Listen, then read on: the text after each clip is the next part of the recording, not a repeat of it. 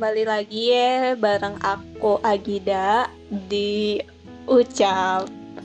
Nah, kali ini Ucap punya session baru namanya perspektif. Jadi, pada kesempatan kali ini kita akan mendengarkan sebuah perspektif dari sudut pandang seseorang yang pasti kalian juga udah sering tahu banget sama orang ini. Langsung aja kita masuk ke perspektif episode 1. Jadi tanpa lama-lama lagi langsung aja kita lontarkan pertanyaan yang pertama. Yang pertama, perkenalkan dong diri kamu, nama sama isu mental health-nya apa? Oke, Kenalkan, nama saya Ijal. Ijal. Terus tadi uh, diagnosa yang aku punya ya. Yep. Uh, diagnosa yang aku punya adalah pertama PPD. Apa itu PPD? Jadi kalau bahasa ilmiahnya PPD itu adalah paranoid personality disorder. Jadi di mana ketika kita punya ketakutan atau ketika ada masalah yang bikin kita cemas nah kita tuh selalu terbayang-bayang semua ketakutan itu. Nah kayak gitu. Dan kayak intinya tuh ketika ada masalah gue kayak selalu dikejar-kejar sama ketakutan itu guys. Okay. terus terus? ada kedua adalah kemarin-kemarin setelah konsultasi dengan psikiater uh, alhamdulillah ada ada apa dapat diagnosa tambahan. Oke. Okay. okay, depresi berat dengan gejala psikotik. Jadi gejala psikotik itu kayak uh, kita tuh kayak rasa selalu berhalusinasi kayak ngelihat ngelihat uh, pokoknya ngelihat hal-hal yang kita takutin. Terus kayak ada yang ngebisikin di telinga kanan kiri kita. Banyaknya sih bisikan-bisikannya tuh kayak uh, buat nyelakain diri sendiri. Dan bahkan sampai uh, sering banget punya pikiran untuk mengakhiri hidup atau bunuh diri itu yang aku bisa jawab pertanyaan pertama oke okay. nah kan ada dua tuh PD-PD paranoid sama satu lagi depresi berat nah kira-kira itu kapan sih kamu dapat diagnosanya? Kalau aku dapat diagnosa PPD itu sebetulnya udah cukup lama sih ya. Udah beberapa tahun ke belakang. Eh, kurang lebih tepatnya pada tahun 2019 eh, awal. 2019 awal gitu ketika memang ada beberapa masalah dari mulai uh, masalah keluarga dan apa sempat juga kayak mungkin faktor dari uh, krisis kehidupan ya. Krisis quarter life quarter life krisis quarter dari situ uh, hingga setelah awalnya aku nganggap biasa aja gitu. tapi lama kelamaan kok makin ngeganggu gitu. Makin selalu ngerasa terpuruk gitu kayak gue nggak bisa ngapa-ngapain gitu. Uh, jangankan untuk melakukan aktivitas sehari-hari secara normal dengan misalkan gue mikirin aja ke depannya gue bakal gimana? Nah itu tuh nggak bisa. Karena ketika gue mikirin itu ya cuman ketakutan doang isinya. Kayak misalkan gue nggak uh, apa namanya mikirin masa depan. Setahun lagi gue bakal kayak gimana eh, itu isinya tuh kayak setahun lagi gue bakalan bakalan penuh dengan kehancuran. Kayak eh udahlah dulu lebih baik mati daripada hidup kayak gini kayak gitu. Nah terus dari itu gue nganggap itu cuman karena faktor stres biasa kan karena ya ini mungkin karena memang lagi capek aja gitu. Cuman apa kok makin lama makin parah gitu ya. Kayak apa namanya eh pokoknya nggak banget deh. Nah dari, dari situ gue akhirnya coba apa ngobrol sama temen yang memang apa uh, punya mental illness juga gitu. Gue sempat ngobrol sama salah satu teman gue dan akhirnya temen gue nyoba ny nyaranin gue buat ya lu harus datang ke profesional gitu. Lo harus datang ke profesional dan akhirnya dengan segala pertimbangan dan ketakutan gue akhirnya memberanikan diri untuk melakukan konseling awal. Dua kali konseling awal. Pertama dengan apa dua kedua kalinya eh tiga. Dua kali dengan psikolog dan dan yang tiganya dengan psikiater di tahun 2019 eh, kayak itu depresi beratnya kira-kira kapan kalau depresi beratnya kebetulan baru kemarin-kemarin sih. Baru beberapa hari yang lalu seminggu lah ya. Ya ada seminggu yang lalu kok melakukan konseling lagi dengan psikiater. Aku jelasin apa yang aku rasain itu kok tadi gue sekarang aku ya. Yang gue rasain gitu. Hmm. apa namanya? Uh, singkat cerita akhirnya psikiater tersebut apa ngasih diagnosa baru atau diagnosa tambahan lebih tepatnya.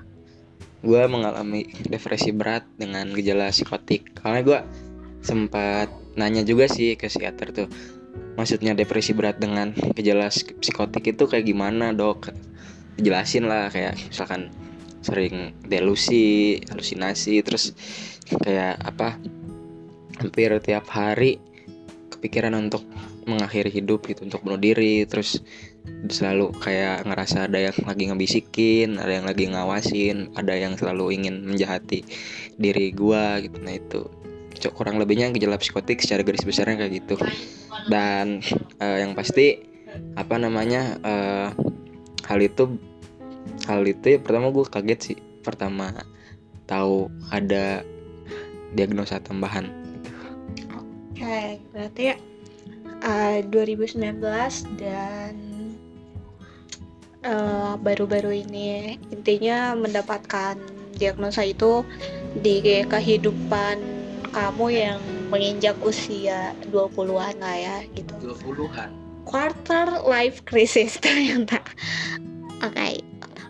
Uh, eh, pertanyaan selanjutnya adalah pertama kali nih yang kamu rasain itu kayak gimana sih setelah mendapatkan diagnosa di tahun 2019 sama yang 2021 ini? Kalau pertama yang gue rasain ya hal-hal yang pertama yang gue rasain ketika pertama banget dengar diagnosa itu, lo gue ini apaan sih kok aneh? gitu. Karena dari 2019 tuh belum terlalu apa ya belum terlalu cari tahu informasi seputar mental health ya. Karena memang ya karena ya memang di Indonesia kan uh, isu tentang mental health ini memang kayak belum waktu dulu kan 2019 belum terlalu di belum terlalu banyak lah diskursus diskursus yang uh, yang ngebahas itu. Jadi kayak uh, kenapa gua nggak sharing ke teman-teman gitu? Karena takut dianggap gila sih. Iya. Yeah. okay. karena takut dianggap gila gitu. Kayak uh, oh, lu lu lu abnormal gitu lu nggak nggak normal gitu lu bukan bagian dari dari manusia-manusia yang hidup, bisa hidup normal gitu yang bisa ngekspresiin apa emosinya secara sehat gitu.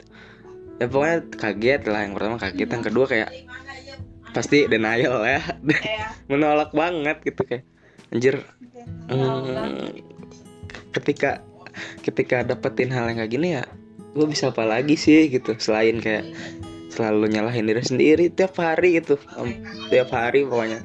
Mesti nggak nggak nggak pernah berhenti buat kayak nyakitin diri sendiri lah kayak kayak apa namanya banyak lah banyak bentuknya gitu. Sampai berani buat apa cutting gitu. Self harm dan yang yang kedua tadi ngerasa nggak berharga dan ketiga kayak masa sih gue kayak gini? gitu. Sebetulnya da, sebetulnya dari mana gitu dari mana awalnya untuk apa namanya untuk bisa memahami keadaan gue pribadi ya pada saat itu itu dan ya akhirnya gue apa namanya pada saat itu memang bang, terpukul banget sih dan uh, coba buat tiap hari buat uh, bertarung sama diri gue sendiri bahwa yang satu sisi hidup satu sisi diri gue bilang lu nggak bisa ngapa-ngapain lu harus mati. Dan satu sisi hidup gue bilang kayak lu harus bertahan bagaimanapun keadaannya karena apa setiap orang punya waktunya sendiri. Itu sih. Kayaknya benar-benar denial banget dan kayaknya nggak mungkin bisa menerima itu dengan langsung gitu ya. Langsung aja ke pertanyaan selanjutnya. Gimana sih reaksi orang-orang di sekeliling kamu yang ketika ya udah tahu pada akhirnya bahwa keadaan kamu kayak gini? Oke reaksi uh, orang-orang yang ada di sekeliling ya. Cuma dari dari oke kalau reaksi dari lingkungan sekeliling gue ya pertama dari orang tua dulu deh. Orang tua baru sebenarnya baru tahu kemarin-kemarin sih ya soal apa namanya uh, mental illness yang gue alamin gitu pas tahun 2019 karena gue nggak cerita apa-apa gue nggak pernah cerita ke siapa pun pas di tahun 2019 karena gue berat buat ceritain itu. Karena gue takut di judgement sebagai orang gila. Kalau sekarang ODGJ lah ya orang dalam gangguan jiwa. Akhirnya uh, apa namanya uh, circle gue di situ kayak karena nggak tahu jadi ya apa namanya biasa-biasa aja gitu biasa-biasa aja. Apa namanya tapi setelah ke beberapa waktu kemarin itu uh, ada yang tahu ya ngejauh semua sih ya. Ini ada ngejauh ada yang ngejauh pasti pasti udah jadi udah jadi uh, kumalam juga sih ada yang ngejauh ada yang tetap apa support gitu. Ada yang paham dan ada yang kayak apa namanya bertanyakan gitu. Eh kok lu kayak gitu kayak gitu? Dan ya nggak nggak apa-apa sih karena memang apa gua nggak nggak apa namanya nggak nanggepin uh, segala hal yang kayak mojokin gua atau gimana ya. Namanya juga apa namanya juga pilihan orang kan beda-beda gitu. jadi ya it's okay gitu. Yang penting dari situ kan gue tahu mana yang memang masih bisa dibilang teman dan yang mana ya yang oh oh gitu gitu. Itu sih. Kalau reaksi orang tua uh, setelah tahu kayak kaget sih mereka kaget. Ya mengelak juga sebetulnya gitu. Kayak uh, bukan apa-apa bukan. Yang pertama sih mereka uh, pasti nyuruh gue buat lu kurang ibadah lu kurang sholat lu kurang dekat sama Tuhan. Uh, it's okay ya. Apa namanya? Karena gue paham betul itu gua orang tua gue bukan uh, orang tua yang tahu juga tentang isu mental health ya. Uh, isu gangguan mental itu. Jadi ya nggak apa-apa yang penting uh, apa masih ada orang-orang gitu yang mau support gue dan nerima gue dengan segala keadaan. Oke, ya jadi ada yang menjauh, ada juga yang memang memilih untuk stay gitu ya. Nah, last question. Pertanyaan selanjutnya adalah, Are you okay? Apakah ada hal yang ditakutkan setelah mengetahui keadaan kamu kayak gini? Uh, kalau sekarang oke okay ya, uh, sekarang oke okay, gitu uh, karena makin sini ya makin apa makin gue bisa tahu bahwa ternyata nggak gue sendiri gitu yang punya problem mental gitu. Ada banyak orang juga gitu yang apa sama-sama ngerasain gitu yang ngerasain kalau ketakutan jujur sih ketakutannya kayak bisa gak ya gue uh, apa namanya bertahan. Bisa nggak ya gak kalau ketika ada masalah kayak me, apa namanya uh, problem gue gak kumat gitu. Ketika ada masalah kayak uh, menanggapi dengan sehat gitu. Kayak apa namanya nggak nggak nggak kacau duluan nggak melakukan hal-hal yang orang lain anggap gila lo nggak kayak gitu.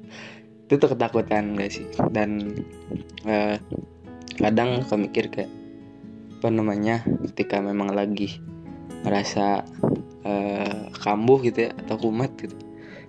Ini tuh uh, kayak kutukan bukan sih atau kayak misalkan gue bisa gak sih sembuh dari ini semua gitu. Itu yang ketakutan dan uh, apa namanya ketakutan yang paling paling amat gue takutin adalah ketika orang-orang yang selalu support gue dan selalu sayang gue gitu yang ada di sekitar gue kayak apa namanya perlahan bakal ninggalin gue karena kondisi gue kayak gini. Itu sih. Kayak pada intinya try to the best versinya diri kita sendiri ya. Mungkin untuk akhiran apakah ada hal yang ingin dia sampaikan? Nggak kepada para pendengar gitu atau mungkin mengkampanyekan bahwa it's okay gitu dengan segala macam kehidupan di dunia ini atau apa pun lah anything else Oke, pertama gue mau bilang ke kalian semua bahwa apa di dalam hidup itu ada yang namanya sakit dan setelah sakit pasti ada kesembuhan. Nah itu uh, buat orang-orang itu buat kalian gitu yang punya mental illness itu uh, tetap percaya gitu, tetap percaya diri kalian bahwa you never walk alone lu nggak pernah jalan sendirian lo lu gak pernah jalan sendirian gitu. Kita jalan bareng-bareng. Kita apa uh, tepis semua takutan ketakutan yang selalu kita rasain gitu. Kita saling nguatin. Dan buat orang-orang yang masih nganggap bahwa mental health itu adalah apa namanya uh, kayak dianggap main-main atau itu please gitu jangan jangan pernah anggap ini sebagai main-main. Karena ya uh, permasalahan mental itu adalah permasalahan penting buat apa kita supaya kita tuh bisa apa hidup lebih baik gitu. Karena apa dengan lu. Uh, apa namanya dengan lu. Menganggap bahwa isu mental health itu adalah isu yang serius berarti lu itu lagi sejatinya lagi belajar buat saling menghargai orang lain. Dan kita juga yang menghadapi yang apa meng, mengidap mental illness tuh sama kok gitu kita juga menghargai orang lain gitu. Mental illness bukan jadi alasan buat apa kita bisa seenaknya mental illness bukan dijadiin senjata buat kita bisa ngelakuin seenaknya semau kita gitu dan jadian jadikan itu sebagai dalih ketika kita melakukan kesalahan itu bukan. Karena ya kita juga sama dengan dengan orang-orang yang lainnya gitu. Dengan orang-orang yang lainnya gitu. dan satu hal sih eh, apa semoga ke depannya eh, orang-orang yang masih malu atau merasa takut untuk apa namanya untuk bilang ke orang-orang lain gitu bahwa untuk, bilang ke orang-orang terdekat bahwa misalkan kalian punya mental illness please eh, nggak uh, usah takut nggak usah malu gitu. karena uh, lu akan tahu gitu betapa orang-orang yang ada di sekeliling lu itu orang-orang dekat orang tua lu dan apa namanya pasangan lu gitu sahabat-sahabat lu mereka pasti support kalian untuk bisa ngelewatin semuanya dan bakal support untuk apa lu bisa sembuh bakal ngedoain lu buat lebih baik gitu sih. Okay, thank you for this conversation and I'm so interested about your life. Mungkinnya sedikit tadi tentang masalah mental uh, health juga dan episode ini memang kita buat khusus perspektif episode 1 bahas tentang isu mental health. Yang pada intinya kita ingin nunjukin ke orang-orang bahwa setiap manusia memiliki uh, kata kan tanda kutipnya itu sakitnya tersendiri gitu. And it's very fine kalau misalnya kita mengalami hal-hal yang serupa dan pastikan jangan self diagnosis juga. Dan buat teman-teman semua perspektif ini dibuat bukan untuk mencari pemakluman kepada orang-orang tapi kita ingin mengajak kepada semua pendengar kita bahwa sudah saatnya kita untuk hidup saling menghargai. So, itu aja hmm, percakapan dari ucap bareng aku Agida dan narasumberku kali ini adalah Ijal. Thank you for listening and see you on the next episode. Bye bye.